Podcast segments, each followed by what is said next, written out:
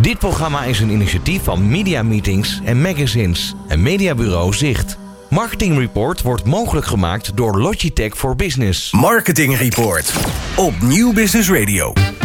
Marketeers vertellen hun beste verhalen hier in Marketing Report. Het programma over media, data, marketing, communicatie en technologie. Elke derde dinsdag van de maand van half zeven tot acht. Dit is Marketing Report, een initiatief van Mediabureau Zicht en Media Meetings.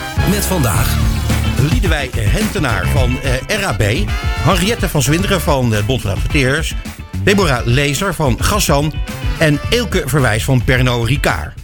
Mijn eh, sidekick is er vandaag niet bij, Bas Vlucht, die zit in Frankrijk. Bas, eh, ik hoop dat je het heel erg eh, lekker naar je zin hebt in Frankrijk.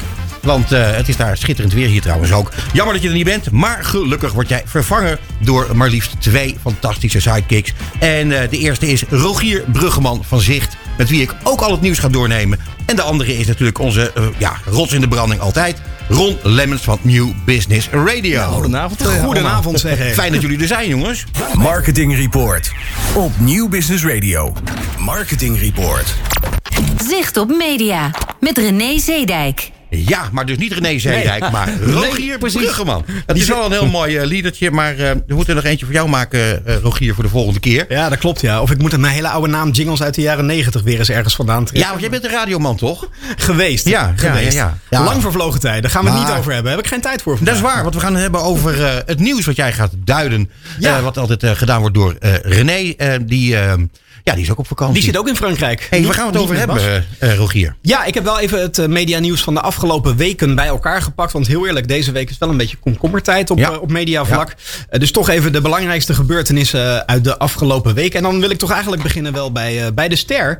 Ja. En het feit dat eh, minister Arie Slob toch zijn eh, nieuwe voorstel voor de mediawet wat heeft aangepast. Na een lobby van onder meer Frank Volmer.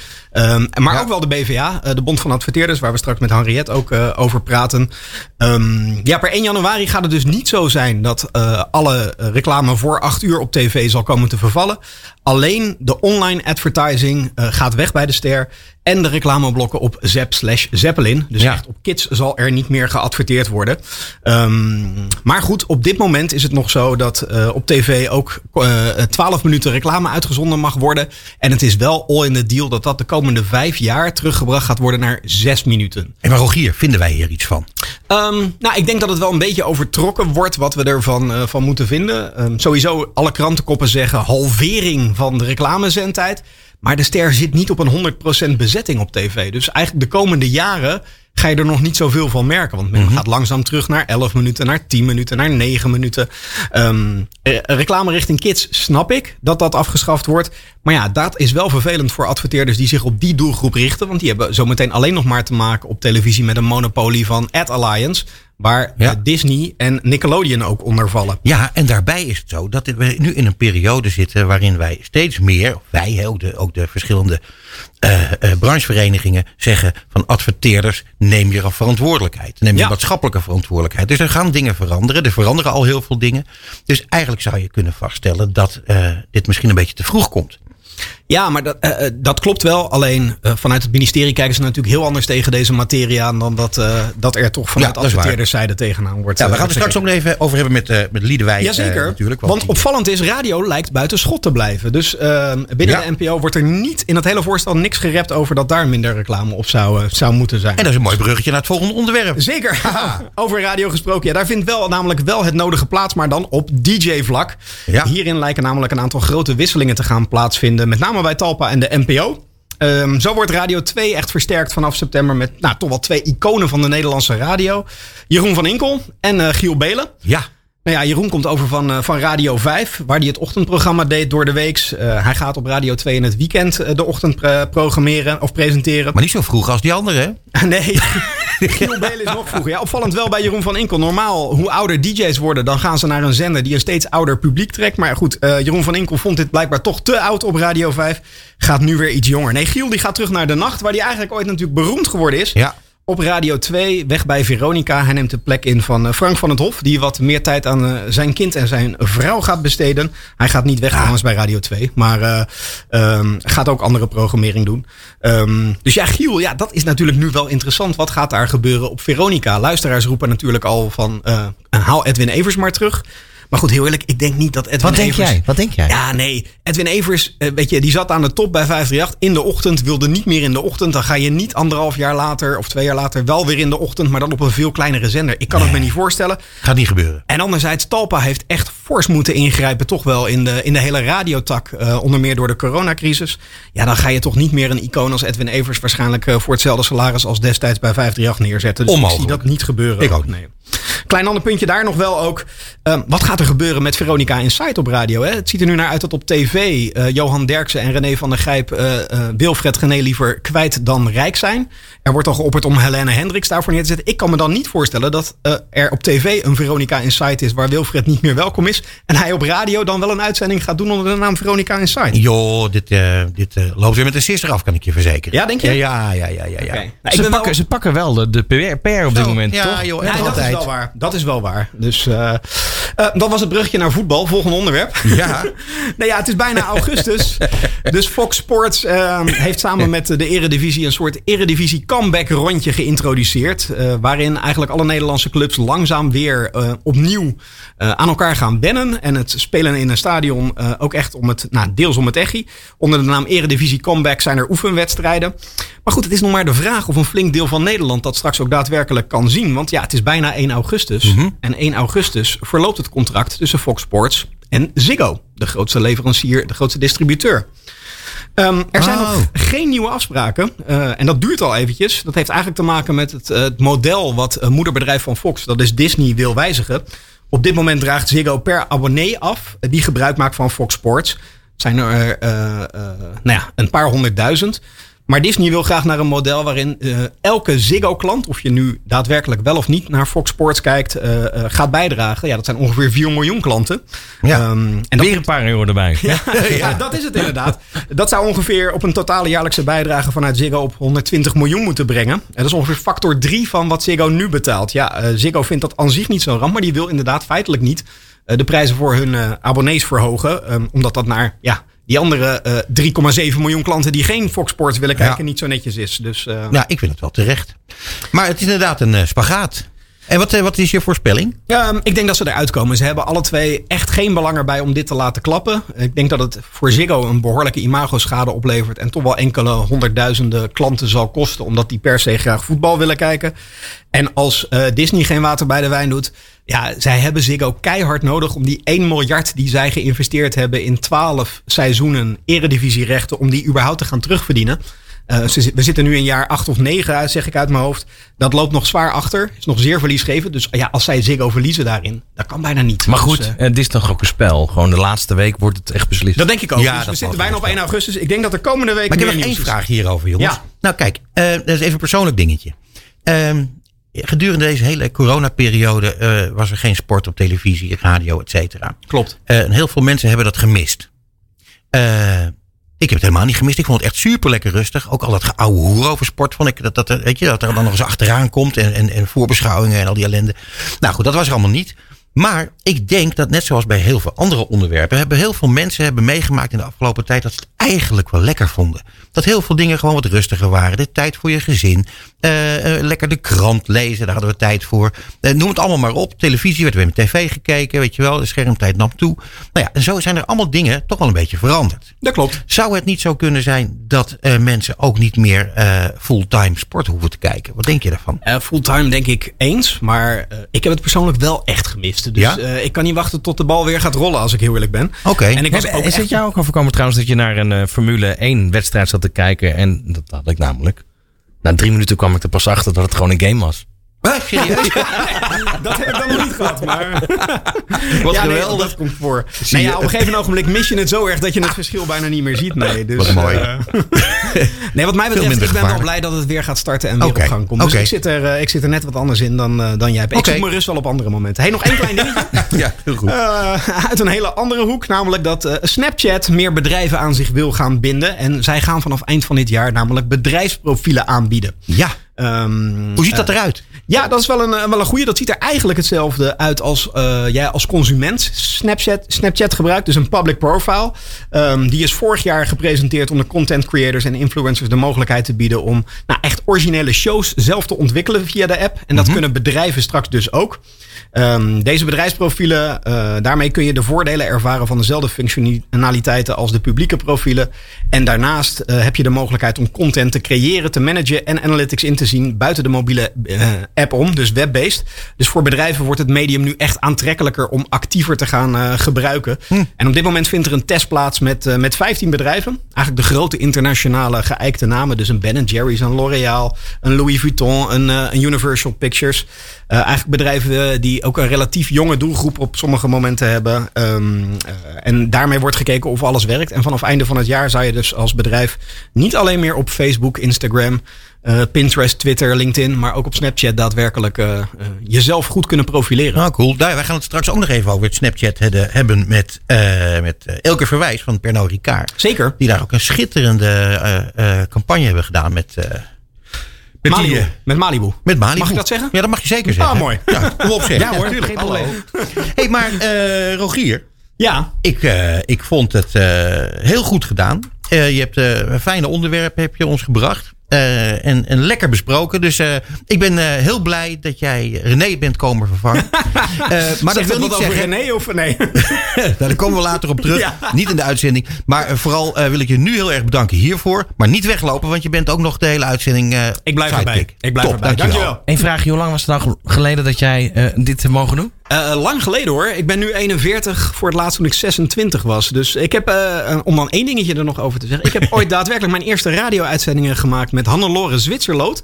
Eh, de nieuwslezeres bij eh, Frank Dane in de ochtend op dit moment. Wij zaten samen bij eh, Radio Ronde Venen. Fabienne trouwens ook. Ja, zeker. Dus Onze eh, collega. ja, dat is toch ergens een eh, kweekschooltje geweest. eh. Een bijzonder moment. Hè? Ja, ik ben helemaal ontroerd. Marketing Report op Nieuw Business Radio. Ja, en dan hebben we nu te gast in de studio Liedewij Hentenaar. Wat een feest dat ze er is. Zij is van RAB. En wij gaan onder andere praten over de Online Radio Awards.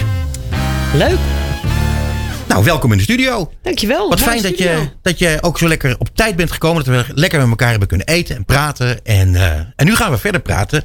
eh, voor alle mensen die eh, hebben afgestemd op New Business Radio, op Marketing Report. Hey, moet je horen, de Online Radio Awards. Dat zit er weer aan te komen. Dat klopt. Ja, en heel veel awards gaan niet door. Of die zijn uitgesteld naar eh, volgend jaar. Of die worden alleen maar helemaal eh, ja, uitgereikt eh, online, zeg maar. Jullie gaan het ook anders doen, begreep ik. Ja, dat klopt. Ik moet zeggen, mijn eigen RAB Awards gingen ook niet door. Nee. Behalve eentje, de publieksprijs. Die gaan we wel uitreiken. Ook waarschijnlijk online. September, oktober.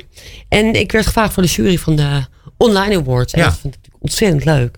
En zoals je begrijpt, ehm, kijk, radio is natuurlijk altijd al van een afstand. En je behoort, als je radio luistert, behoor je natuurlijk tot een groep. Je denkt, oh lekker. Dus je bent heel dichtbij. En tegelijkertijd van een afstand. De online radio awards kunnen ook prima digitaal worden uitgereikt. We hebben natuurlijk heel veel voorbeelden gezien van fantastische uitreikingen digitaal. Ja en nee. nee. Nee. Nou, eh, eh, nou, nee, in de zin van dat eh, een award die is bedoeld om, eh, om aan iemand te geven, of aan een bedrijf of aan een persoon, die dat eh, heel erg heeft verdiend. Daar hebben heel veel slimme mensen zich over gebogen, zijn tot de conclusie gekomen dat die partij, die krijgt die fantastische prijs. Diegene komt op een podium, die krijgt een mooie toespraak, die krijgt een prijs in zijn handen, die houdt die prijs omhoog en de hele zaal applaudisseert Ja. voor de winnaar. Dat klopt. Dat is hoe je een prijs moet ontvangen. Ja, ik weet het. Ik weet het. Eh, dat applaus is natuurlijk ontzettend belangrijk. Vind ik wel. Ja, vind ik ook heel erg belangrijk. En die prijs ook daar- omhoog houden. Oh ja, zeker. maar ehm, eh, tegelijkertijd ehm, zijn er ook gelukkig andere manieren om die prijs uit Nee, te je hebt ook gelijk. We zitten in een heel andere tijd. Ja, en het het is ook niet gezegd. Hè. Kijk, nu voor deze, deze editie denken ze het anders te gaan doen. Want eh, ik ben jurylid, Mhm. Ja. voor de goede orde. Ik ben niet de organisatie, maar ik ben wel Nee. gevraagd als eh, jurylid. En we hebben natuurlijk een aantal eh, digitale mm, online awards uitreiking gezien. Die waren ook waanzinnig leuk. Die van jullie Cross Media Awards, maar ook die van de AMA. Echt goed gedaan. En daar ben je ook echt wel bij. Maar natuurlijk, ik weet het ook. Het is anders. Je staat niet na te praten met z'n allen. Je staat niet te netwerken met z'n allen. En degene die de prijs ontvangt, die veel uh, waarbij, waarover de jury heeft gebogen, dat is natuurlijk allemaal anders. Maar Ja. het is ook anders. Dat is waar. Maar goed, we hebben met de Cross Media Awards natuurlijk wel laten zien dat het gewoon wel kon. Ja. Eh, want het was gewoon allemaal, iedereen was er. eh, en het was allemaal live. En, en dus het kan wel. Ja, het kan wel. Het kan wel. Tuurlijk Hey. Ja. Liedewij. Ja. Maar ja, Ik heb één vraagje. Jij Ja. geeft aan Ja, inderdaad. Rogier. ehm, eh, ik zit in de jury en dat is helemaal terecht. Maar vind je eigenlijk niet dat het domein niet steeds meer audio wordt en daar wat meer crossovers zouden moeten komen? Ook tussen eh, misschien wel de Online Radio Awards, eh, de Radio Advertising Awards, eh, überhaupt prijzen. Om met het laatste te beginnen, überhaupt prijs, zeer zeker. Eh Henriette komt straks, wordt ook geïnterviewd van de Bond van Adverteerders na, na mij. Of de Vereniging van Werkleiders, moet ik eigenlijk zeggen. We hebben het daar wel eens eerder over gehad, ook met alle brancheverenigingen. We hebben natuurlijk allemaal heel veel prijzen. Wij komen natuurlijk uit een branche waar veel eh, prijzen zijn. Ja. Alleen, als je naar de prijzen kijkt, even in de audiogebied. We hebben natuurlijk allemaal net andere prijzen. Je hebt de Radio Ringen. Mhm. Je hebt de Online Radio Awards. Die zijn ook voor podcast. Ook voor presentatoren van digitale stations. Je hebt mijn awards, de RB Awards. Die gaan over radio reclame. Iedereen wil ook natuurlijk shinen voor, voor zijn eigen prijs. Ja. Maar om je vraag te beantwoorden, natuurlijk. Ben ook hard mee bezig. We zijn, eh, toevallig zat ik vanmiddag even bij mijn collega's van de digitale radio. En ehm, ook hier met YPCA hebben we het wel eens over gehad. Eh, ik kijk naar Engeland. Daar hebben ze een hele audio week in oktober. Ehm, ik kan me wel iets bij voorstellen dat wij eh, met de verschillende prijzen straks ook dingen gaan bundelen. Zowel naar, naar luisteraars toe als ook naar ja, de, zowel de adverteerders als de presentatoren toe. Dat er dingen gebundeld worden. Het zou wel mooi zijn, een week lang gewoon in het teken van audio. Ja, nou, ik, ik moet zeggen, in Engeland is het fantastisch. Heb je ook TV Week of Video Week. En eh, in Nederland hebben we daar natuurlijk ook absoluut tijd en aandacht en ruimte voor. Want audio is natuurlijk heel breed. Kijk, radio bepaalt natuurlijk. is natuurlijk nog steeds 70% van alle luistertijd lineaire radio. Maar dat kan, hoe de distributie is, maakt niet uit. Het kan digitaal zijn. Tuurlijk. Het kan DB Plus zijn, kan FM zijn. Dat maakt natuurlijk niet uit. Ehm lineaire radio is de, de grootste bron van luistering. En daarnaast heb je natuurlijk heel veel uitgesteld luisteren. Ja. Maar ook luisteren via YouTube. Luisteren via ehm, de podcast. Ja, er zijn nu al 5 miljoen mensen die wel eens een podcast beluisteren. even een algemene vraag. Hoe gaat het met radio, Liedewij? Nou, met de radio zelf gaat het onwijs goed. Hebben natuurlijk deze specifieke tijd achter de rug. Waarbij Ja. eh, corona de luistertijd natuurlijk tot enorme hoogte heeft doen laten stijgen. Wat fantastisch is. En overal, hè, niet alleen hier. Maar wat ook bijzonder is, omdat er mensen, veel minder mensen in de auto zaten. Ja, maar het grappige is, drive time is niet per se de hoogste luistertijd. Het Oké. is wel, kijk, radio luisteren is vaak, eh, vaak op de achtergrond. Als je in de auto zit, dan ben je aan het autorijden. Dus dat is eigenlijk je hoofdbezigheid. En Mhm. dan staat de radio aan. Dus wel heel erg gericht. Dus daarmee maakt drive time een hele interessante eh, tijd om, om commercials ook uit te Zeker. Ja. Ik kan me eigenlijk ook voorstellen dat als je eh, continu thuis aan het werk bent, hè, vanwege corona, dat je wereld wordt heel klein. Ja, nou, Door de ja. radio wordt het weer een stukje groter. Exact Ja, wat je dat is zegt. waar. Wat doet radio? Radio is companionship. Hè? Het geeft je eh, gezelligheid. Mhm. Maar het geeft ook vooral je connectie met de buitenwereld. Radio is, wordt ervaren als het meest betrouwbare medium. Radio geeft ook nieuws, geeft je updates. Dat betekent ook, dat is relevant voor de plek en waar jij zit. Dat je gewoon, op Twitter kan je natuurlijk ook kijken. Maar op radio krijg je om het half uur kreeg je nieuws. Of krijg je nog steeds nieuws. Totdat mensen er ook helemaal gek van werden. In ieder geval wat corona nu Ja, gaat het voorop stellen. Maar eh, de waarde van radio, de kenmerken van radio, ja, die zijn natuurlijk door de luisteraar eh, tot ten volle benut. Maar we hebben ook een andere kant gehad. Dat is de radioreclame. Mhm. Ja, Ja. dat was, eh, die zakte meteen in. Ja. Totaal. Terwijl je, ja, het is natuurlijk, ik, ik, Dat is toch ik ben er steeds niet bizar. over uit. Totaal bizar. Ja. Iedereen bedoel, we hebben best wel wat crisis meegemaakt in het leven. Iedereen weet, in een crisis, blijf vooral dooradverteren. Maar er waren natuurlijk twee dingen aan de hand. De evenementen gingen niet meer door. Dus heel veel inhaak- of aanhaakcommercials, die konden niet meer, dat is duidelijk. Nee. Maar deze totale stopzetting van radioreclames vanaf half maart. Het was dramatisch. Nou, wat, wat, Nou ja, ook tv-reclame, eh, Ja, ja, eh, online. Ja, ja, ja, oké. Ja. Dat is- Dat is overal. een drama. wat Ja. zijn nu eigenlijk op dit moment de, hè, voor de coronacrisis de meest adverterende eh, marktpartijen? Nou, dat, eh, Is kijk de maar. sectoren, is dat, is dat, hè, waren dat de vakantie aanbieders retail, toerisme, Ja. automotive. En ja, in China lag natuurlijk de automotive lag natuurlijk al een tijdje stil voor het toeleveren. Ja, dus hier ook geen radiocommercials. Want er waren geen nieuwe auto's. Of de, de, de voorraad bleef achterwege. Maar ik vond het zo gek dat er Ja. dat juist in een branche hè, waar wij met z'n allen in zitten, waar, waar creativiteit toch altijd een boventoon voert. hè, Waarvan we ook zeggen, nou, jongens, daar zijn we goed in. eh, dat er zo weinig creativiteit eigenlijk eh, voorhanden was om, om even een slag te maken. Van, tuurlijk begrijp ik heus wel dat als die coronacrisis uitbreekt, dat eh, ja, je kan niet, de winkels waren dicht. Maar eh, online kon je geweldig goed kopen. Dus dan moet je even een switch maken in je communicatie. Niet makkelijk misschien, maar Nee, het, kan mak het kan wel Ik weet wel, alle, alle radiobedrijven hebben dat ook gedaan. Alle radiobedrijven hebben aan de adverteerders en de mediabureaus dat werkt. Mooi initiatief. Ja, waanzinnig initiatief genomen. Om te zeggen, oké jongens, nu als je dit doet, dan krijg je dit erbij. Of Mhm. we, we werken dit voor je uit. Juist om inderdaad eh, eh, retailers die ook online verkopen deden, een extra tag om te bieden van 5 seconden met ga nu naar huppelpup.nl. Ja. Ja. dus eh, Nee, het is het- een, een, een festival van gemiste kansen zou ik bijna willen zeggen. ja, maar kijk, you're, you're, you're barking against the wrong tree, wat dat betreft. Ehm, vinden wij ook. Ja. En eh, elk, elke radiozender eh, van RAB was ook meteen bereid om hun studio's beschikbaar te stellen, om televisiecommercials om te bouwen, naar radiocommercials. Weet je, alles kan. Omdat iedereen luistert radio. Iedereen kijkt ook veel meer tv, natuurlijk. Maar iedereen luistert overdag radio als companionship. Nogmaals, als connectie met de buitenwereld. En ze luisteren gewoon veel. Het, eh, ja, we bespreken straks maar met Henriette. Wij willen van alles met de adverteerders. En we kunnen ook van alles. Gelukkig weten adverteerders ook heel goed wat ze aan radio hebben natuurlijk. Ja. Nou, en het normaliseert nu gelukkig, alweer wel, wat meer. Ja, ja, Ja. ik zie Q3 eh, eh, absoluut. eh, De eerste weken was gewoon totale paniek, ook wel bij Ja, adverteerders. klopt. Dus eh, ook zie- de players die daadwerkelijk een soort profijt ervan hebben gehad later, stonden die eerste weken toch echt stil. Zeker, want Ja. ik, ja, ik, volgens mij had Albert Heijn uh, hamsterweken staan. Ja, dat was niet een fijne boodschap in die tijd. Nee. Nee. dus ja, dat moest er ook uit. En we misten natuurlijk het Songfestival. We misten het EK. Dus alle aan, alle commercials. De Formule alles wat- 1. eh, de Formule 1. Als het klaar lag, Daar was hij weer. kon niet meer doorgaan. Zeker. Nee, dat is waar. Dus dat er was een, eh, de creativiteit was er, de luistertijd was er. De mensen waren. Want vergis je niet, hè? Alle radioprogrammamakers gingen gewoon door met radio maken. Ja. Dat is natuurlijk niet gestopt. Nee, Want sterker nog, nog meer dan voorheen hadden mensen behoefte aan dat warme menselijke geluid van, van radio. Ik heb het vaak als ik eh, de stem van Ron Lemmens hoor. Dat ik dan helemaal... Hé Ron? Ja, dank je. Ja, nee. zo Ron. nee, maar eh, ik wil het nog heel even hebben over eh, podcasts. Ja, Want dat is, eh, dat is toch wel een, een schitterend fenomeen. Waar, wat, enorm groeit. klopt. Ehm, en jij hebt iets nieuws van, daarover te melden. Over het meten van... eh, Ja, ja, nou, dat, eh, het nieuws in, eh, in die zin. Ik heb het ook in december al gemeld. Eh, in december zaten we in beeld en geluid met elkaar. En wij hebben natuurlijk met het NLO. Het NLO is een, eh, een JIC, hè? Mhm. Daar zit de Bond van Adverteerders in. Sorry, Vereniging van Merkleiders in. Ik, ik blijf nog eh, appelleren aan, het oude, aan de oude naam.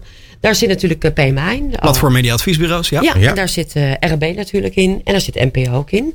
En eh wij hadden besloten, eh, omdat de podcastmarkt behoorlijk groeiend is. En, en het ook nog een onoverzichtelijke markt is. Kijk, dan wil je als NLO, waar je natuurlijk de marktstandaard bent op het gebied van luistercijfers. In ieder geval de currency. Willen we ook de marktstandaard worden op het gebied van podcast. Nou, succes. Ja. Hè?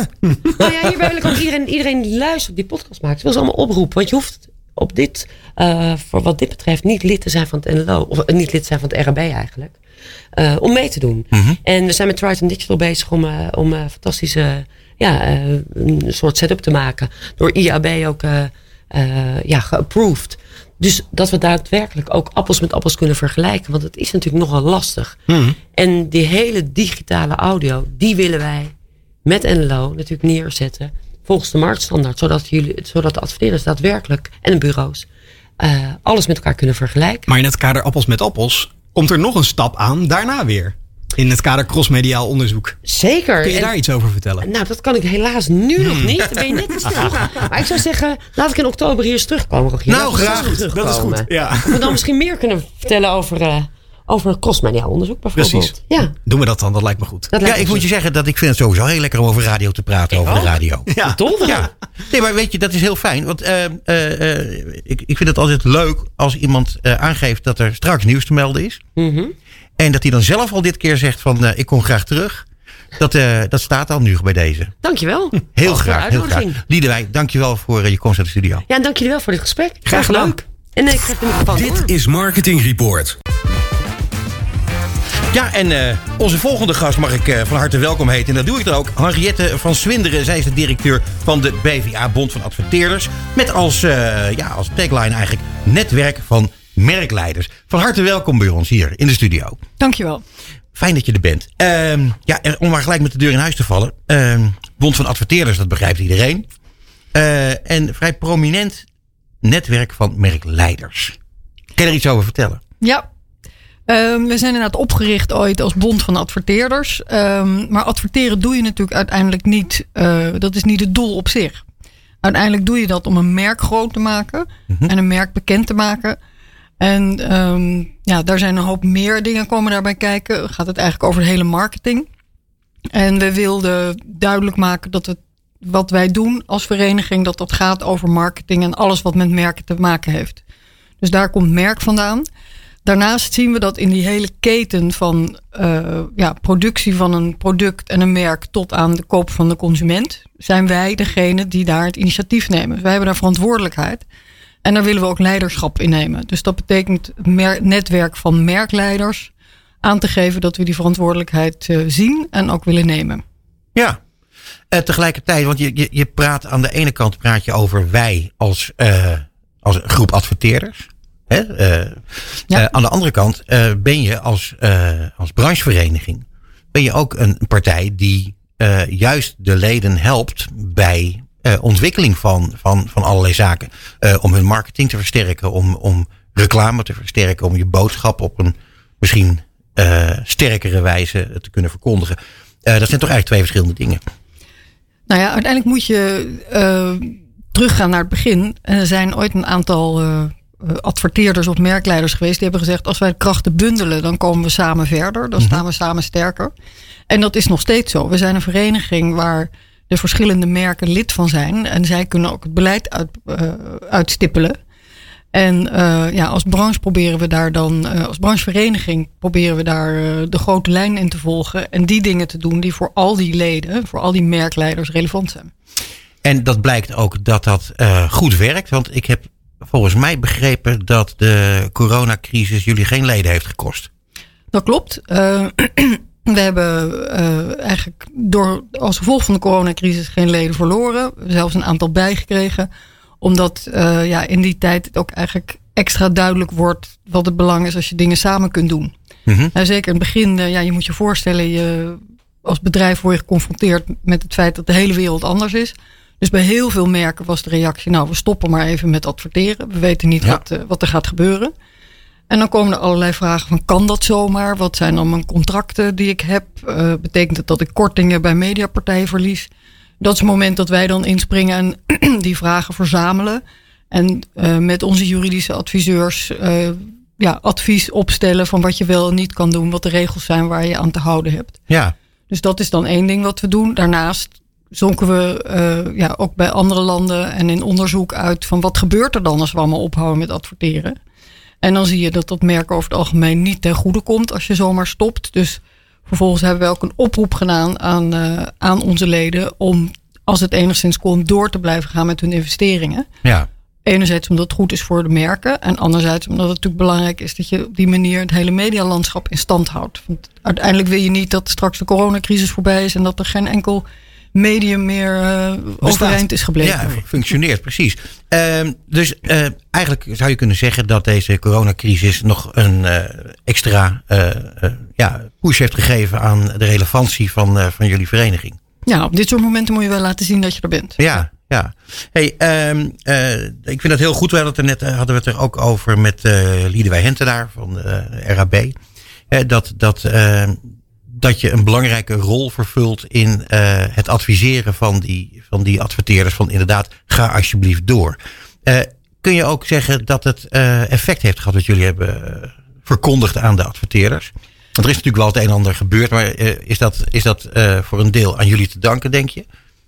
Um, dat moeilijk te zeggen? Nou, dat vind ik heel moeilijk om te zeggen. Ja. Maar ik denk zeker dat het effect heeft gehad dat, dat de, de, de algehele stemming was van jongens, het is eigenlijk geen goed idee om te stoppen en de stekker eruit te trekken. Mm -hmm. ja, tenzij je je product niet meer kan leveren. Uh, dus daardoor is er wel een stemming ontstaan van ja, laten we kijken wat er wel mogelijk is. En laten we kijken wat we wel uh, overeind kunnen houden. Mhm. En je ziet ook dat heel veel leden en heel veel adverteerders uh, ja, toch eigenlijk vrij snel weer teruggegaan zijn naar het investeren in, in hun merken. Mhm. Maar dan misschien met een net aangepaste boodschap of een net iets andere mediatype keuze. Ja. Maar wel zijn doorgegaan. Ja, want er is natuurlijk een hoop veranderd. Nou, in ieder geval is er uh, deze afgelopen periode toch een beetje een aantal dingen anders geweest in, uh, Ja. in gedrag en perceptie. Dat Ja. klopt. Ja. Zeg, en eh, waar we het eventjes over hebben gehad van tevoren, is eh, bijvoorbeeld zorgen over maatschappelijke zaken. Eh, dat is iets wat eh, momenteel natuurlijk enorm speelt. Eh, ook Privacy met Facebook, onder meer. Dat natuurlijk ook. ja, privacy, nepnieuws. eh, Eh, dingen. negativiteit, algehele negativiteit rond reclame, hoe mensen eh, reclame percipiëren. Eh, nou ja, goed, je hebt, we hebben het al even gehad, eh, helemaal in het begin, over eh, NPO, de ster, die, die minder reclame mag gaan maken van de overheid. Hoe staan jullie daarin? Ehm, specifiek in die, in die discussie over de NPO?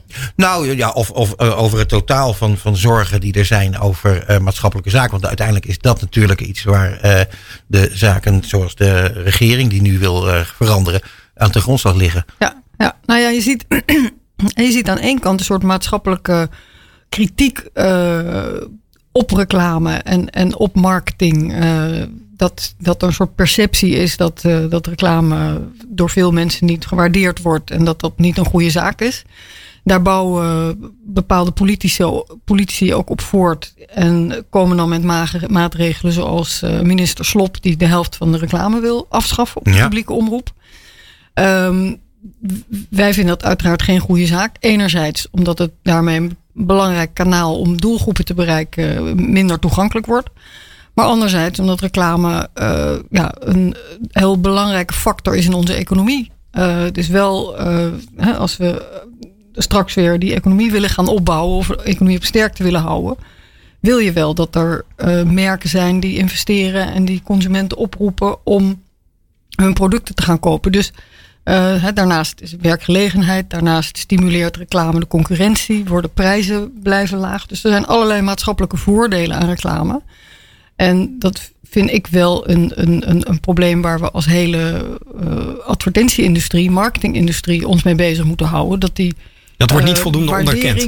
Nee, Nee. Dat, dat, dat we ook zorgen dat de maatschappelijke waardering er is. Daarnaast heb je ja. natuurlijk het punt, hè, wat jij zegt, Facebook. Um, en er, er wordt tegelijkertijd ook eigenlijk steeds meer beroep gedaan op merken om een verantwoordelijke rol te nemen. Hè, om bepaalde maatschappelijke verantwoordelijkheid te laten zien. En je ziet ook dat dat door merken eigenlijk steeds meer omarmd wordt. Dat er steeds meer merken zijn die zeggen: Ja, ik zie ook dat ik op dat vlak dingen moet gaan doen. Um, en ja, da daar uh, zijn wij wel mee bezig om onze leden te ondersteunen hoe je daar op een verstandige manier invulling aan kan geven.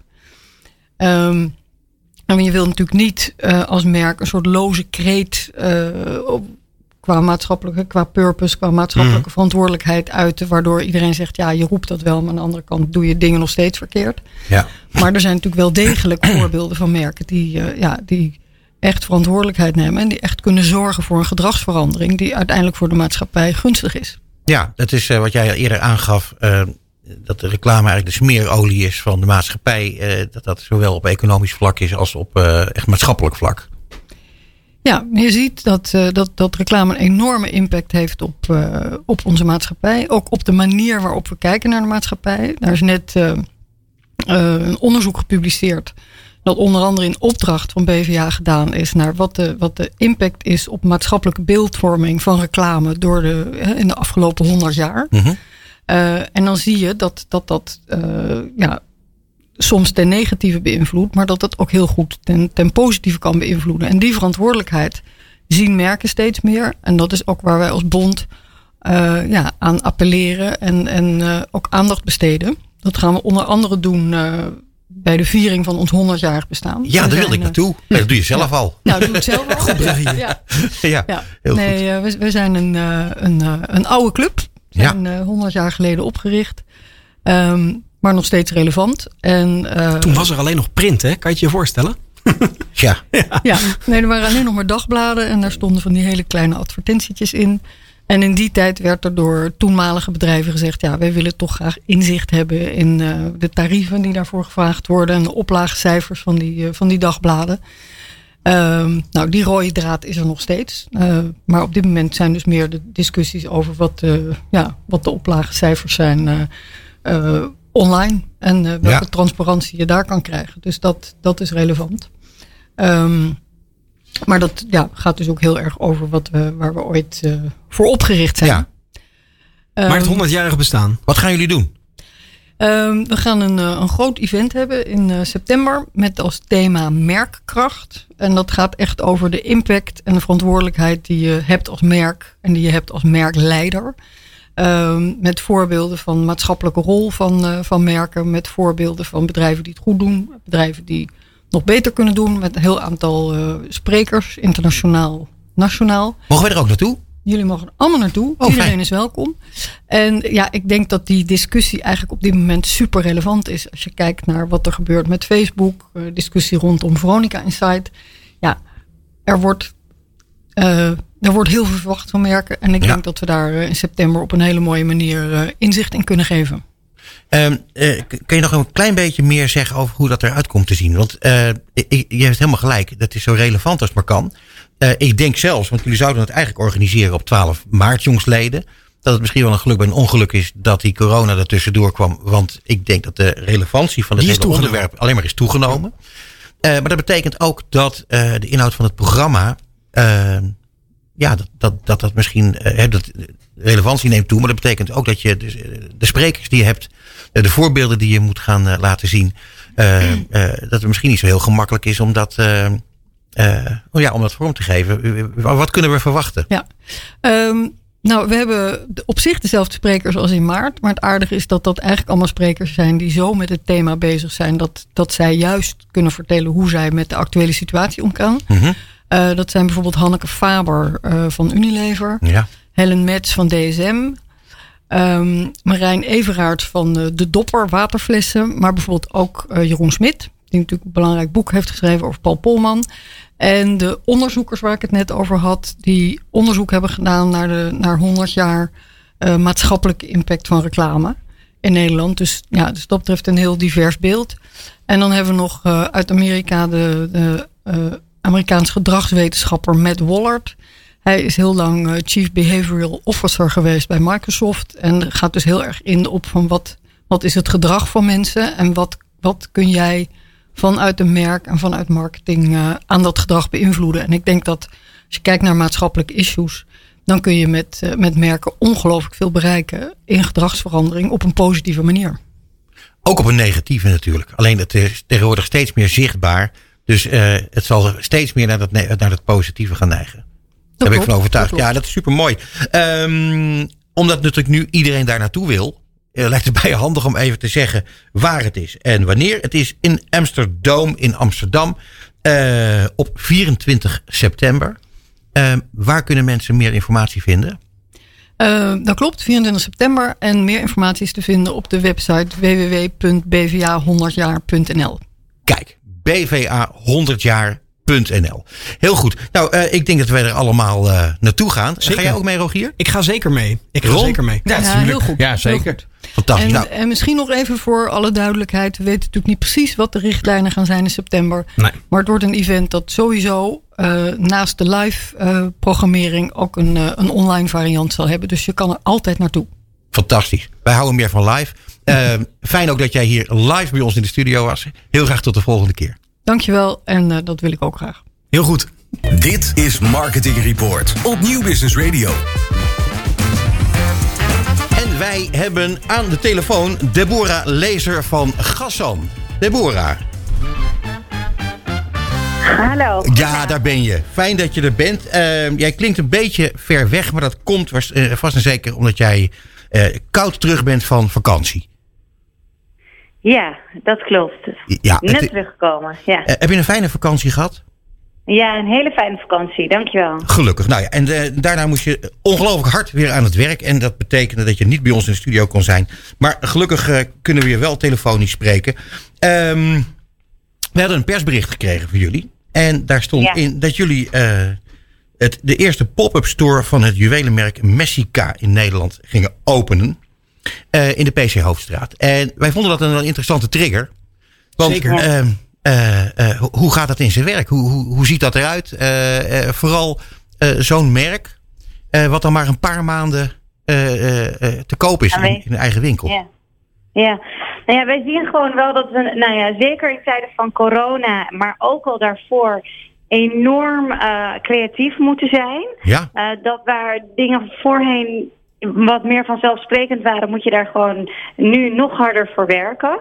En ik denk dat het heel erg leuk is om door middel van pop-up concepten ook elke keer voor de eindconsument een compleet nieuwe beleving eh, te kunnen creëren.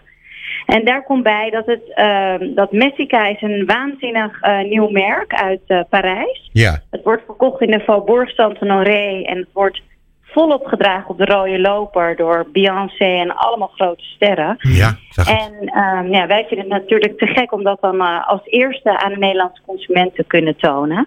En juist om het op deze manier te doen, kan je gewoon als ondernemer heel goed zien of zo'n merk wel of niet aanslaat.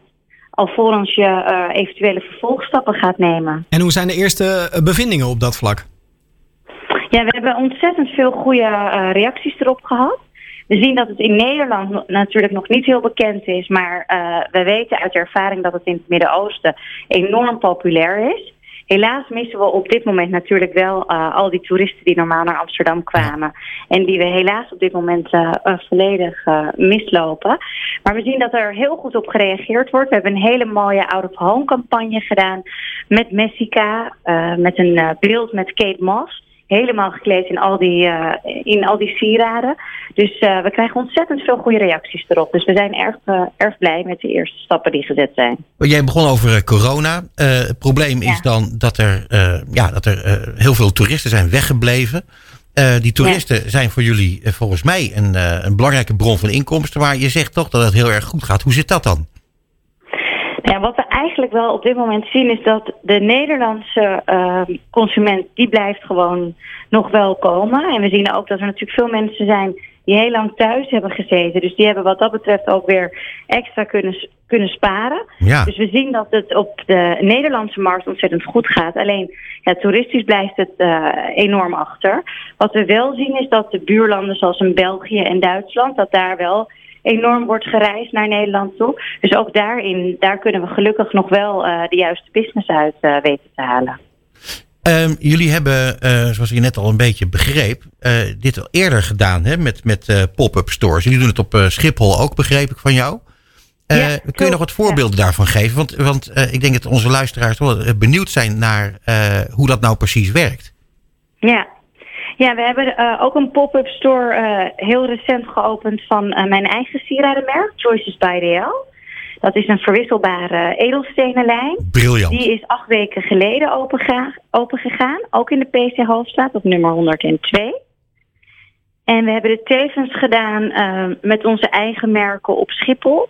En dat doen we eigenlijk regelmatig ook met diverse andere horloge- en juwelenmerken. Dat we dan zo'n pop-up openen voor een week of zes of acht. Om dan Ja. te kijken of het aanslaat. En dan kun je ook heel goed de nieuwe collecties testen.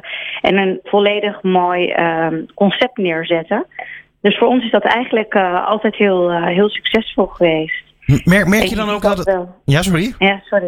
M- Nou merk- ja, je ziet ook wel zeg maar, dat in het veranderende winkelbeeld.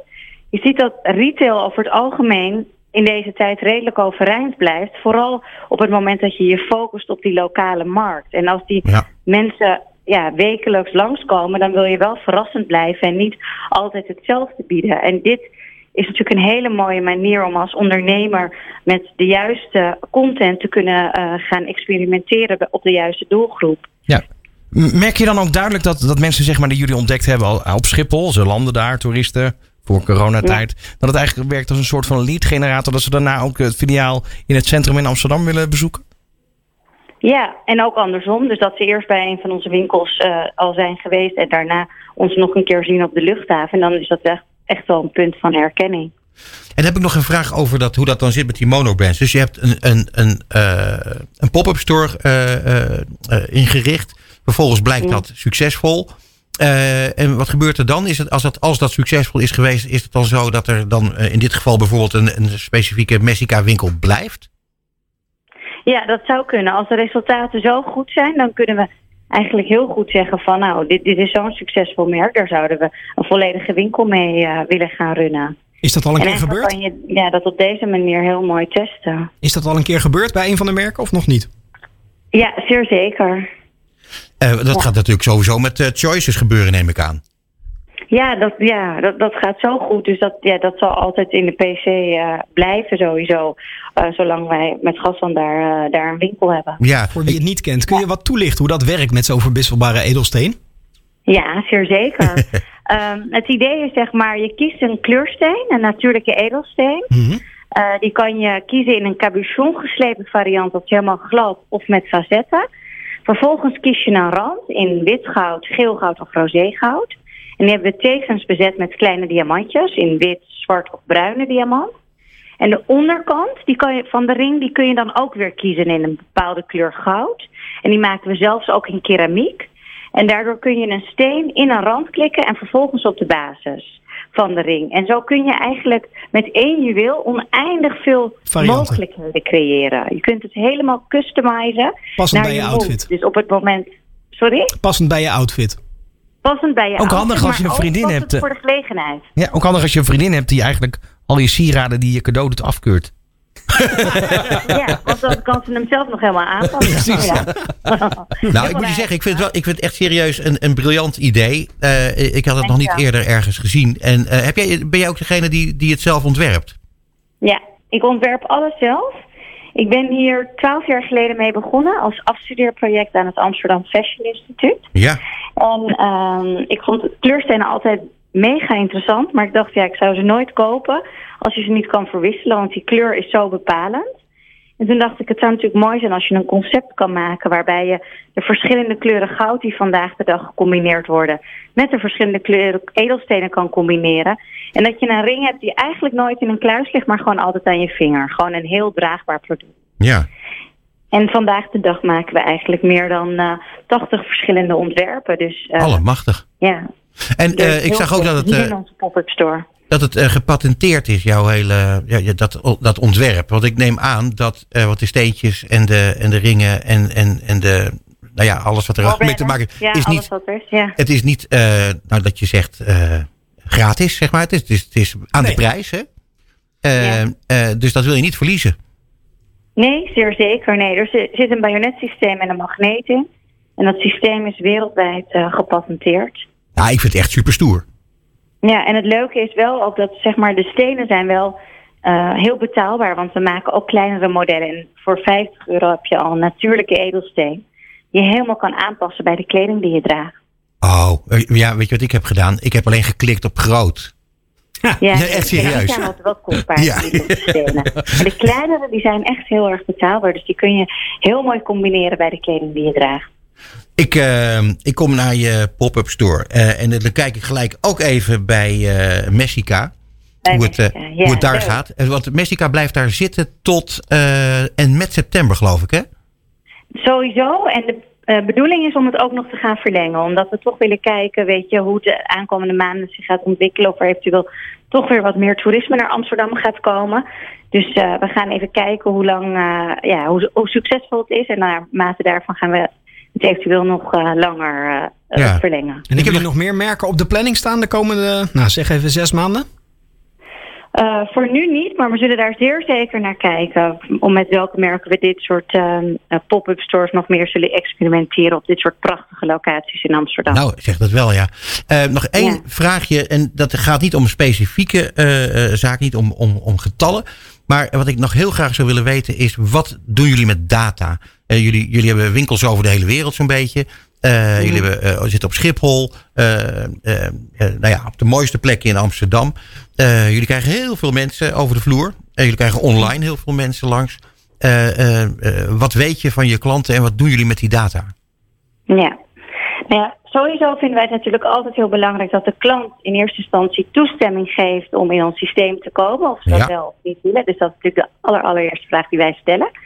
En daarna uh, sturen wij natuurlijk volledig uh, op data en doen we dat steeds meer binnen onze organisatie. Mhm. Want uh, laten we eerlijk zijn, daarmee kunnen we ons als bedrijf onderscheiden. Omdat het ontzettend belangrijk is ook voor de continuïteit van je organisatie. Dat je juist de combinatie hebt van de juiste klanten met de goede producten.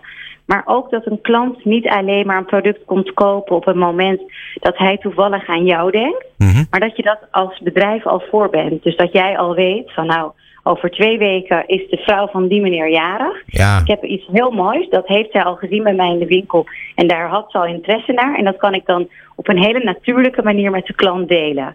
En ik vind zelf altijd, weet je, als je dat op een manier doet, ehm, op een manier die iedereen binnenkrijgt in zijn inbox, dan voel je minder speciaal. Maar als jij van jouw accountmanager of degene die zeg maar eh, altijd jou helpt bij ons in de winkel een berichtje krijgt van hé, hey, uh, als je eventueel hier aan denkt voor je vrouw, dan zou ze hier heel erg blij mee worden, want dit is echt wat ze op haar wishlist heeft staan. Dan denk ik dat iedereen daar alleen maar heel erg blij van wordt. Ja, mooi. Ik vind het heel erg mooi. En uh, het is ook heel belangrijk om in deze akelige tijden uh, uh, blij te worden. Dus ik, ik hoop dat het allemaal heel erg goed zal gaan en zal blijven gaan. ook heel veel succes met Choices natuurlijk en met Messica. En, en we gaan je weer eens eventjes een keertje bellen om je uit te nodigen om een keer live in de studio te komen.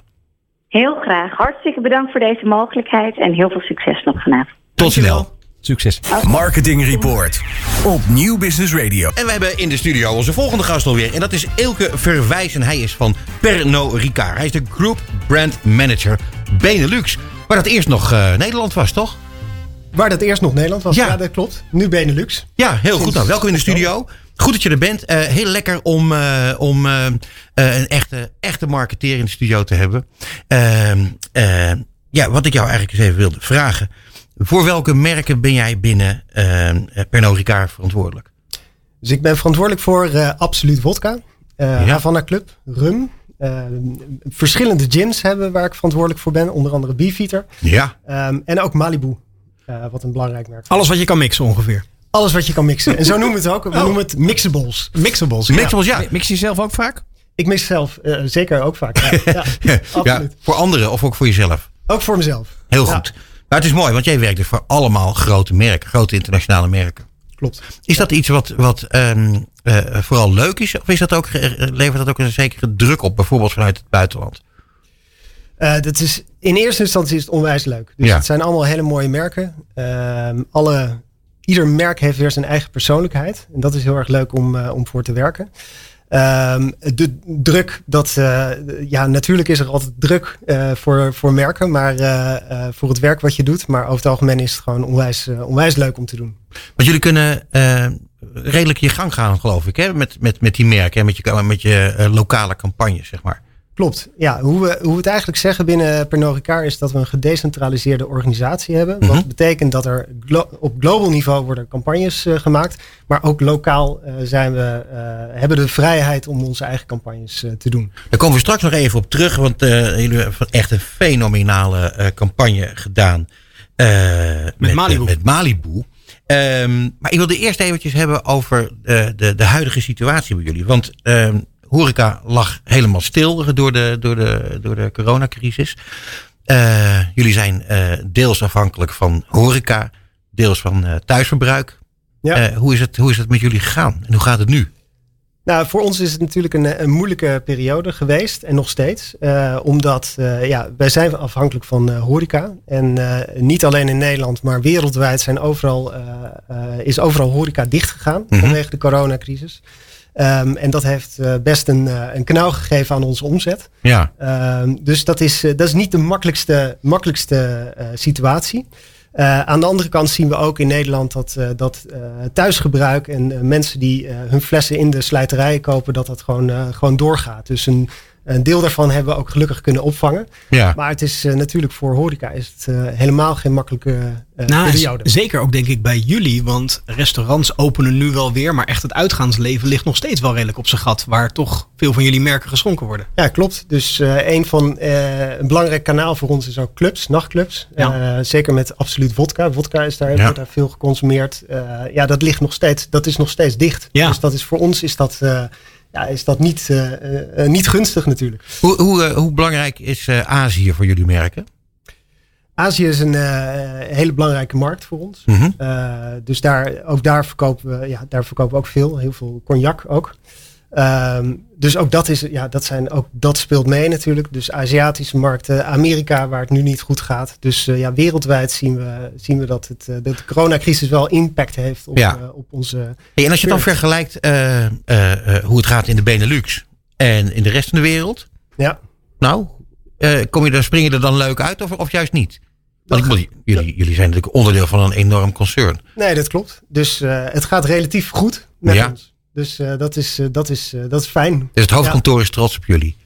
Het hoofdkantoor, ik, ik weet niet hoe trots op ze, op, op ons zijn, maar ik denk dat ze, dat ze trots op, op ons zijn. Maar deze, deze tijd die vraagt wel om, om, om anders nadenken over, over marketinginvesteringen. Ja. En over hoe je daarmee omgaat. Dus we zijn wel een stuk kritischer geworden. Dat waren we al. Hoe besteden we ons geld? Ehm, en eh, het vraagt er ook om dat je, dat je wat creatiever wordt. Ja. Ja. Eh, Noem eens een voorbeeld. Nou, één, eh, eh, dus één voorbeeld eh, waar, waar we mee bezig zijn geweest is eh, voor Malibu. Ja, mooi verhaal. Eh, mooi verhaal. Wij hebben eh, voor Malibu, eh, onze doelgroep daarvan is eh, tussen de 18 en 25 jaar. En wij willen onderdeel van hun wereld uitmaken. Eh, dus het is een zomersmerk, een eh, funmerk. En eh, we willen ja, onderdeel van hun wereld uitmaken eh, en eh, relevante content bieden op de kanalen waarnaar zij kijken. En een van de kanalen die wij al een paar jaar waar we mee spelen en wa- wat, waar, waar we mee hun bereiken is Snapchat. En daar hebben we totaal, hele goede resultaten ook mee. Ehm, we, we hebben daar in het verleden heel veel filters gedaan en lenzen. Een, eh, een lens is, eh, dan kijk je eigenlijk eh, in de app van, van Snapchat en dan gebeurt er iets met je gezicht. Dus Mhm. bijvoorbeeld tijdens Koningsdag hadden we, wat ook tijdens de coronacrisis was, hadden we een leuke lens. En dan zag je, zag je twee vlaggetjes, eh Nederlandse Op vlaggetjes Ja, op je wangen. ja, ja, cool. en, en daar stond dan het Malibu-logo op. En dat wordt dan ongelooflijk veel gedeeld door, door deze doelgroep. Dus daarmee zagen we eigenlijk van ja, dit, dit platform is, is ongelooflijk relevant. En eh, een nieuwe, eh, nieuwe manier ook eh, die we nu hebben onderzocht is games. Dus we hebben twee, twee games ontwikkeld voor Snapchat. En ook dat is, is heel erg. maar kom je niet veel te, veel te jong uit als jij vanaf 18 jaar als doelgroep hebt? Nou, je kan met eh, Snapchat heel goed targeten. eh, en je kan heel goed aangeven dat, eh, eh, dat je zegt, nou, we willen niet dat iedereen die jonger is dan 18, dat die deze content ziet. Zie, precies. Ja, dat is perfect. En eh, jullie hebben namelijk ook een, een, eh, een, eh, een postercampagne gedaan. eh out of home campagne. Ja. Ehm, en daar konden mensen dan, eh, of jullie doelgroep, die kon dan eh, een, met een code konden ze iets scannen. Of, nou, kun je nog even uitleggen hoe dat ging? Want da- daar heb je natuurlijk hetzelfde probleem. Dat, dat iedereen loopt daar langs. Eh, en je moet dan toch eh, echt eh, wel die doelgroep te pakken zien te krijgen. Ja, nee, klopt. Dus wij eh, in dit voorjaar hadden we een nieuw product geïntroduceerd, eh, Malibu Lime, een, eh, met een eh, limoensmaak. Mhm. En eh, daarvoor hadden we een, eh, een out-of-home campagne gepland in, eh, in heel Nederland. En toen dachten we van, eh, hoe kunnen we nou die game, hoe kunnen we die nou linken aan die out-of-home campagne? Mhm. En eh, toen kwam ons eh, een reclamebureau waarmee we werkten voor die game, Go Spooky is dat. Die Ja. kwam met het idee van, nou wat je nou wat je kan doen met die, met die out-of-home, eh, met die abris, is dat je die abri kan scannen met je telefoon Mhm. via Snapchat. En dat je als het ware in de poster de game kan spelen. Oh, oké. Gek. Eh, dus stel, stel je voor je staat eh, te wachten op de bus eh, en je wil een beetje tijd voldoen, dan, eh, dan kan je gewoon even dat spelletje spelen. En wat daar zo, eh, en, en dat, was, dat is een hele leuke nieuwe eh, manier om out of home ook te gebruiken. Ehm, en ja, je gebruikt ei- eigenlijk gebruik je een technologie van augmented reality. Ja. En dat is iets wat, eh, wat, eh, wat we tot nu toe nog niet hebben gebruikt.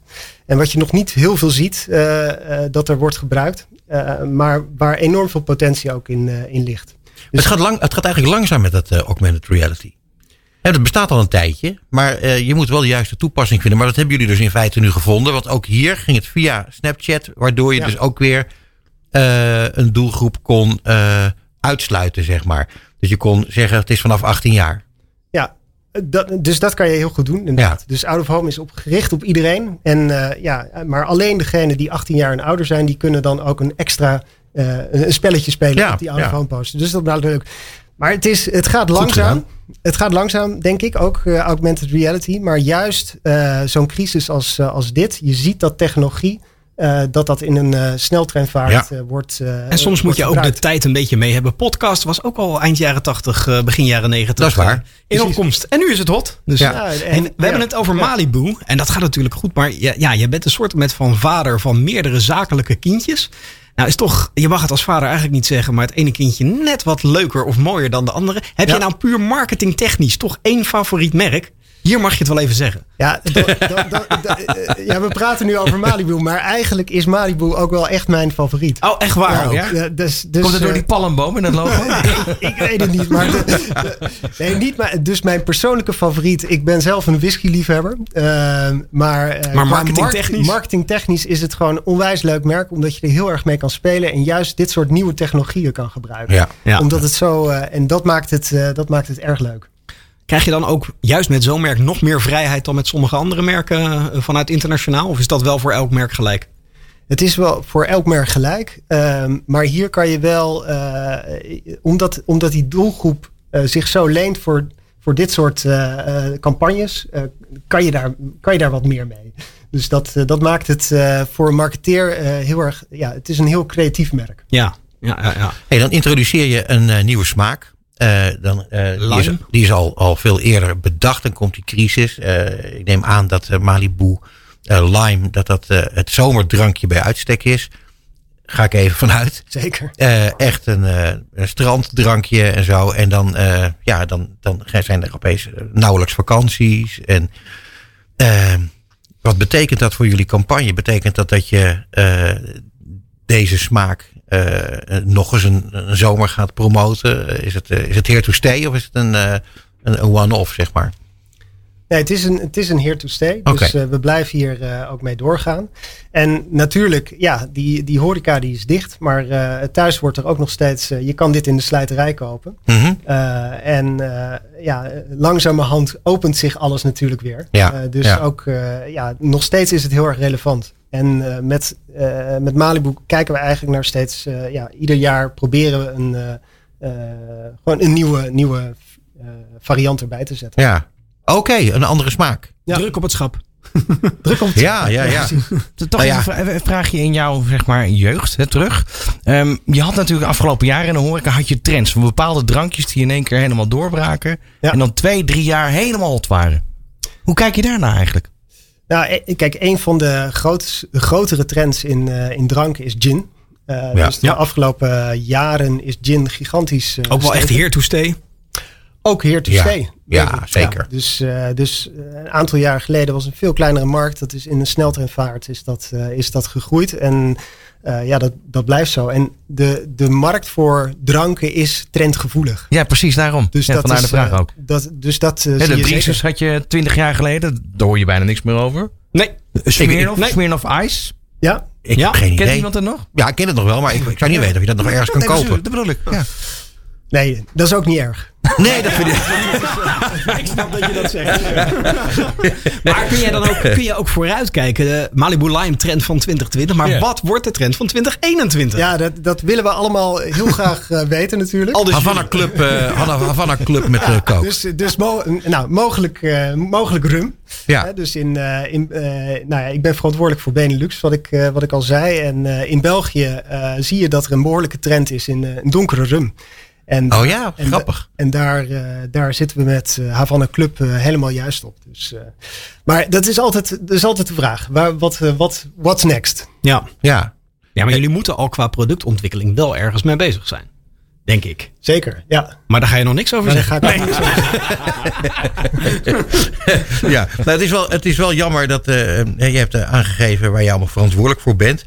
Eh, en dan met name waar het gaat om de eh, Havana Club, de Beef Eater. Eh, vind ik toch jammer dat je niet eh, even gewoon wat- een beetje een range hebt meegenomen hier naartoe. Wij, wij proeven. de- Ja, want wij hier in deze studio en zeker bij Marketing Report uh, altijd een enorm liefhebber van, uh, van, van mooie distillaten. Dus uh, het zit, er zit niks anders op om jou nog een keer uit te nodigen. dan gaan we het dan ook over een de stevige aanbeveling. Ik zal dan met mijn range langskomen van verschillende. ja, dat is gezellig. Neem nog even terug. Als je nou kijkt naar, naar ehm, België, gaf je net aan, waar, waar die bruine rum dan heel goed loopt. Is daar iets voor aan te wijzen waarom dat zo is? Want ik neem aan dat je daar onderzoek naar doet, of niet? Dus eigenlijk kijken we heel erg naar de bartenderwereld. Dus ja, wat er okay. in, uh, bij cocktailbars uh, wordt uh, gebruikt. En vaak is dat wel onze inspiratiebron om te kijken van waar, wat zijn de nieuwe trends. En veel praten met, met bartenders inderdaad. Maar is dat niet een self-fulfilling prophecy? Want ik, ik weet dat heel veel, laten we zeggen, drankenbedrijven zeer nauw samenwerken met bartenders. ja. en, en, en beroemde cocktailmakers. Ja, ik bedoel, je, kunt dat toch best wel een beetje sturen, lijkt me. Ja, dus deels is het gestuurd. Nou ja, je, praat, je praat met die bartenders en die geven aan eigenlijk wat, wat, wat zij gaan gebruiken. Mm -hmm. uh, dat serveren ze aan hun, uh, aan hun gasten. Ja. En ja, als jij ooit een, een lekkere dark rum met, met cola of met, een, in een heerlijke cocktail hebt gedronken, dan zal je dat zelf mogelijk ook gaan, gaan kopen in, in, je, in de sluiterij. Dus zo ons, kan inderdaad een, een trend gaan ontstaan. Ja, en jullie pushen dat helemaal niet. Ik zou het wel graag willen. Ja. Uh, dus uh, het zou mooi zijn als, het, uh, als we zeggen, nou vanaf nu wordt dat de trend en gaat het ook echt gebeuren. Dus ja. dat is, nu zitten wij hier met een paar ja. volwassenen hier in de studio. Um, wat zou jij ons adviseren om zo snel mogelijk te gaan kopen? Nou, zeker, zeker een goede, goede donkere rum. Ja. Bij voorkeur van het merk Havana. Ja, oké. Okay. ja, nee, dat gaan we doen. Of, of lekkere tequila. Dus dat is ook, uh, dat is ook iets wat we, wat we verkopen. Uh, dus dat, uh, gewoon is, dat is weer wat anders. ja, dan, met dan, of zonder zout en, zout en, en limoentjes, ja, citroentjes. Zonder. Zonder. zonder hè? Hardcore noem je dat toch? Ja. hey, ik moet je zeggen, ik heb ontzettend dorst van gekregen. Ja. Van, van, ik ook. Van, van dit gesprek. Um, ja, wij moeten met jou ook verder praten. Dus met al onze gasten. Het is altijd zo plezierig en gezellig. Um, en er valt over de andere merken die we niet aan de orde hebben laten komen ook nog zoveel te zeggen. Dus um, ik hoop dat je nog een keertje terug wil komen. Volgende keer trouwens praten en proeven dan. Ja, praten ja, en, proeven, Want dit ja, slaat natuurlijk eigenlijk. Vaker, ja, daarom. Dat eigenlijk nergens op. hey, Elke, enorm bedankt voor je komst uh, hier naar uh, Hilversum. En uh, heel veel succes met de hele Benelux. En heel graag tot snel weer. Dankjewel. Tot zover Marketing Report op Nieuw Business Radio. Alle gesprekken zijn terug te luisteren via podcastkanalen als Spotify, Duke of Apple Podcasts. Komende maand zijn we er weer op de derde dinsdag van de maand. Tussen half zeven en acht uur. Tot dan. Ja, en uh, we gaan nog heel even napraten natuurlijk, jongens. Ja, we zijn er nog niet helemaal. Hè? Nee, nee, we zijn er nog niet helemaal. En daar ben ik ook blij mee. Want uh, uh, ik vond het een, uh, een, een, hele andere uitzending dan anders. Want die, ja, Bas Vlucht was er niet bij. Dat is toch anders. ja, kan je zeggen, ik kan zeggen wat je wil, maar is toch anders. Ehm, ik heb trouwens een heel grappig bericht van Bas gekregen. Dat, dat wil ik jullie Over, niet onthouden. Ja, maar overigens, als iemand, als ik ergens aanwezig ben en diegene zegt het was anders, dan weet ik nou niet zo of ik me gewaardeerd moet voelen. Daarin. Oh ja, nee, maar daar, daar, daar kom ik nu op terug. Okay. Want Bas, die, Bas, die, die, die, uh, die, die, schreef net vanuit Frankrijk. Hier een luisteraar. Goed hoor. Jezus, wat staat daar een vaart in. Complimenten aan Rogier. Nou. En aan jou natuurlijk. Ah, maar en ook aan mijzelf zegt hij. Ik schitter in mijn afwezigheid. Zelden was iemand zo schitterend afwezig in een radioprogramma. Gelukkig ben ik vrij dronken. Hij is wel aan het proeven. ja. Dus hij wel. Ja. Uh, nee, maar het was een. Uh, ik vond het een hele uh, lekkere uitzending. Ik dank jullie allebei dat jullie zo, zo, ja, zo, zo, mij zo hebben, enorm hebben ondersteund. Ik vond het leuk. Dankjewel voor de uitnodiging. Graag gedaan. Nou, ja, ik vond het, ik vond het echt super fijn. als we nog even terugkijken, jongens. Wat hebben we allemaal gedaan? We hebben Rogier gehad als zijnde René Zeedijk. Nou, ik geef hem een dikke acht. Wat vind jij ervan, Ron? Jazeker. Ja, absoluut. Ja. Nee, ik, ik, maar ik vind het ook leuk, omdat dit gewoon iemand is met hart voor radio. Ja, dat is waar. Maar Ja, dat maar heeft dat heeft ook, René ook. Dat heeft René Ja, ook. zeker. ja. Nee, maar, Ja, maar, ja. maar toch. Nee, dat toch, klopt. eh, Dat ja. klopt. Ja, Ja. vind ik bijzonder. Ja, ja. Nee, ik hou me als vakantiekracht eh, aanbevolen. Nou ja, en als we het dan toch hebben over Hart voor Radio, was het natuurlijk fantastisch om Liedewij hier te hebben. Liedewij. Hentenaar van eh Radioadviesbureau. Eh, en dat vond ik ook weer een heel plezierig gesprek. Nu is het ook zo dat je Liedewij, die kun je gewoon neerzetten. En dat, je gaat eigenlijk altijd geen presentator meer nodig. Nee. Nee, gaat wel door. Ja, gaat wel door. Nou ja, en vervolgens Henriette. eh, en eigenlijk eh, eh, van eenzelfde laken een pak. Ik vond het eh, een heel plezierig gesprek. eh, juist omdat ehm, het hele onderwerp van het stimuleren van die adverteerders. Van, ga nou alsjeblieft door. Dat is een, een behalve een uitermate belangrijke boodschap eh, naar iedereen toe. Ah, zeker. voor- vooral ook een, een, een, een boodschap van een beetje vertrouwen hebben in. Dat we met z'n allen die crisis eh, te lijf moeten gaan. Ah, en de, bond, de Bond van Adverteerders is na 100 jaar eigenlijk actueler dan ooit. Zeker, Ja. zeker. Nou, dat was, eh, dus dat, dat, eh, dat is ook duidelijk naar voren gekomen. Ja, Deborah Lezer was ook wel heel grappig. Eh, ik, ik had eigenlijk voor die tijd, voordat ik dat persbericht had gekregen, nog nooit gehoord van een dergelijke pop-up store. En wat ik heel leuk vond, Rogier, dat toen jij haar vroeg naar haar eigen Lijn, merk en haar eigen lijn, Ja. choices. Ja, dan, dan voel je direct wat een, wat een energie eh eh daaruit komt. Is die ook passie is er echt. Dus, eh, Echt passie. Ik heb wel één probleem, want ik denk echt dat mijn vrouw dit, als ze dit terugluistert, merken gehoord heeft die ik straks echt voor haar moet gaan kopen daar. Dus eh, Ik heb ook een oplossing nu gevonden. Oh ja, Ja, voor dat eh, probleem met die sieraden die altijd worden afgekeurd. Ja, Ja, precies. Ander steentje erin. Nou ja, in elk geval is het zo dat eh, ik denk dat wij dan allemaal gewoon eh, opslag moeten gaan vragen hier eh, bij de radiofabriek. dan komt dat allemaal wel Ja, goed. zeker als vakantiekracht. Ja, en dan hebben we net Elke Verwijs gehad van Pernod Ricard. Wat ik al zei, daar hebben we enorm dorst van gekregen. Heel leuk hè, een, een echte marketeer waar je ook hoort dat hij liefde heeft voor het vak. Hij zat, daar hebben we het niet over gehad, maar hij zat daarvoor bij, bij McDonald's. En eh, ja, liefde voor het vak, dat is mooi. Ja, Echt heel leuk. mooi. Echt verschillende merken met verschillende doelgroepen onder zich. Dus, eh, Ja. Nou ja, en eh, natuurlijk heel lekker dat we dat volgende keer allemaal gaan proeven. Goed, eh, Rogier en Ron, eh, nogmaals super bedankt. Jij de ook, volgende Peter? keer. En eh, wij, gaan, eh, wij gaan elkaar over een maand weer zien. Eh, dan ben ik in Zeeland, maar verder komt het goed. Sealand, hè, is het. Sealand. Marketing Report op Nieuw Business Radio.